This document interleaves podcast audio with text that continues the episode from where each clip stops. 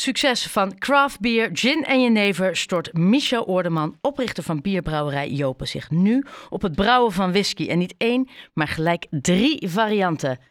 Michel, goedemiddag. Goedemiddag. Uh, hoe lang stond het idee om je eigen whisky te brouwen op je wensenlijstje? Uh, nou, al best wel lang. We hebben uh, in, een, in, in, een recent verleden, en dan hebben we het echt over halverwege de jaren 2010, een kerk in, in Hoofddorp overgenomen met een, een café-restaurant microdistilleerderij erin. als Jopenkerk Hoofddorp toen omgedoopt. En daar stonden distilleerketels in plaats van brouwketels. Ja. In eerste instantie zijn we daar jenever en, en gin gaan maken. Um, en toen we na drie jaar besloten om die locatie te sluiten, eigenlijk omdat we ja, daar weg moesten, waar het vastgoed eigendom ging over in andere handen. Toen hebben we de, de distilleerketels verhuisd naar, naar de Waardepolder, waar onze productiebrouwerij staat. En uh, toen zeiden we van ja, eigenlijk is dit wel het moment om dan ook, als we dan toch de distilleerketels naast uh, de brouwketels hebben staan, uh, om zelf beslag te gaan maken en om zelf ook uh, whisky te gaan stoken. En, dus en... eigenlijk vanaf 2018. En in hoeverre lijken die processen op elkaar? Het schijnt, als je eenmaal het één hebt, dan kan je hem daarop voortborduren. Klopt dat? Ja, eigenlijk, is de, de eerste stap om whisky te maken, is dat je een, een bier maakt zonder hop. Uh, dat is wel belangrijk, want anders mag je geen whisky eten. Uh, dan laat je dat vergisten. En waar uh, dan normaal bij bier nog een rijpingsproces komt en carboniseren, oftewel op koolzoetdruk brengen. En dan vul je het af. Ehm, zeg je eigenlijk bij, bij whisky, ik maak mijn beslag. Ik doe er geen hop in, dus het wordt niet bitter. dus je proeft ook alleen maar de, de gransmaken in het eindproduct. Uh, en zodra dat uitvergist is, gaat het naar de volgende ketel. En dat is dan de distilleerketel. Uh, dan doe je eerst een ruwstook en daarna nog een fijnstook. En dan leg je het op houten vaten weg. En dan moet het minimaal drie jaar liggen. En dan heet het opeens whisky. Uh, wij hebben er iets langer mee gewacht. Wij hebben gezegd, uh, het is een product wat we ehm, eigenlijk buiten het bier om erbij doen. Uh, niet dat we het niet serieus nemen, maar het, het, is niet waar we ons geld mee hoeven te verdienen, om het zo maar te zeggen. We verdienen ons geld met, uh, met bier. Dat is onze, onze core business, zoals het in marketingtermen heet. Ja. Uh, maar dus eigenlijk waar we, waar we voornamelijk mee bezig zijn. en whisky is een, is een heel mooi, ja, heel mooi project om erbij te doen, maar daar hebben we dus geen haast mee. Dus we hebben het ook echt de tijd kunnen geven. En vandaar waar de meeste nieuwe whiskystokerijen na drie jaar hun product op de markt brengen, zodra het whisky mag heten hebben wij gezegd, nou ja, goh, het kan wel wel even. Dus we hebben het uh, twee jaar lang laten liggen. Hoe lang duurt zo'n proces in zijn geheel? Hoe lang ben je bijvoorbeeld bezig met, uh, voordat een biertje echt zo de winkel in kan? En het verschil daarin tussen bijvoorbeeld gin, jenever en nu dus whisky? Oké, okay, nou uh, bier is het stoken of het brouwen van bier. Hè, dus wat, wat in die koperen ketels gebeurt. Dat is een, een dag, acht uur, een werkdag. Ehm, en dan is het de slag gemaakt, gefilterd, gekookt met de hop erbij. Teruggekoeld naar een graad of 20 en dan zit het in de gistank. Dus die, de brouwdag is een, een uur of acht. Dan gaat het gisten, dat duurt ongeveer een week.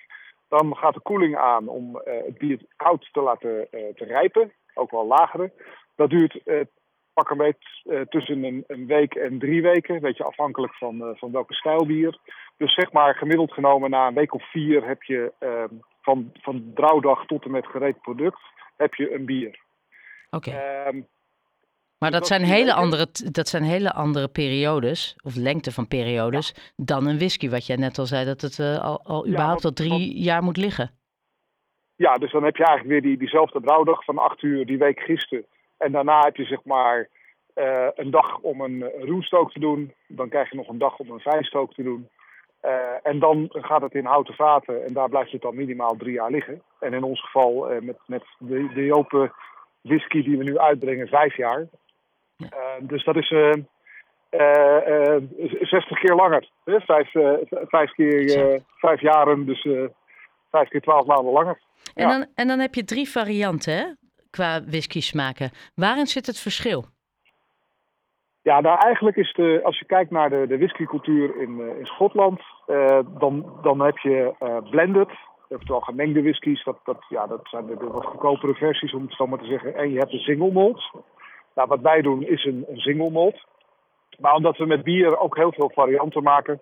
En we maken gemiddeld een, een 60 verschillende bieren per jaar.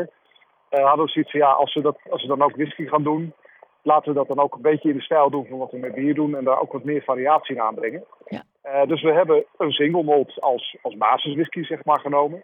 Uh, we brouwen veel met, met aparte granen. Buiten gerstemout gebruiken we heel veel tarwe, haven, rogge, al dat soort dingen meer. Dus we hebben gezegd, we gaan ook een rogge, oftewel een rye whisky maken. Dat zie je in Amerika best veel, maar in Schotland eigenlijk heel weinig. Dus dat vonden we een leuke aanvulling. Uh, en op de, de eilanden van Schotland heb je uh, peated malts, oftewel met turf gestookte. De, de, granen zijn daar gedroogd met, met, met rook van turf. En dan heb je ook echt die, die scherpe uh, turf rooksmaak in het graan. En dat krijg je ook uiteindelijk in de whisky. Dus dat is de derde variant, een, een een gerookte variant. En aan wel, welke prijsklasse moet ik denken? Uh, ja, in principe mogen wij geen prijzen voorschrijven als producent. Dat, dat, maar we hebben wel een consumentenadviesprijs en dat is 49,95 voor, een, voor een fles. Ja. dat is niet goedkoop, maar aan de andere kant, het, het wordt op een kleine schaal geproduceerd. Dus wij stoken in ketels van 250 liter. Nou, dat, als je in Schotland gaat kijken, dan, dan is het het 10, 20, 30voudige daarvan. Um, onze stoker moet even lang werken om een ketel van 250 liter te wegen als uh, een, een, grotere stokerij uh, een grote ketel leegt. Het werk wordt niet sneller, uh, maar ja, het, het is gewoon minder opbrengst. En daardoor is het, het wat intensiever maakt ervoor dat het een, ja, een wat meer luxe product is. Net als eigenlijk onze bieren ook wat duurder zijn dan de bieren van de grote brouwerijen. En, en, en jullie bier ligt inmiddels uh, echt, uh, gewoon in de lokale supermarkt hier om de hoek. Uh, zal dat ook gaan gelden voor, voor de whiskies? nou, whisky mag je niet verkopen in de supermarkt. Nee, maar, maar wel bij de. Ja, je hebt nu van die combinaties, hè? Dus bij de FOMA zit er galagal om het hoekje. Ja, nou, ik weet niet of het galagal is dan meteen de, de grootste keten in Nederland. Uh, ik weet niet of zij hem gaan opnemen, maar ik weet dat in ieder geval de, zeg maar, de zelfstandige slijters of franchisers, die dus zelfstandige ondernemer zijn in een ketenwinkel, uh, wel al interesse hebben getoond. Dus ik ga er wel vanuit uh, dat het bij de, de meeste slijterijen in, in de Haarlemse regio zeker verkrijgbaar zal zijn. En we hebben zelfs al interesse van, van slijters van buiten Haarlem.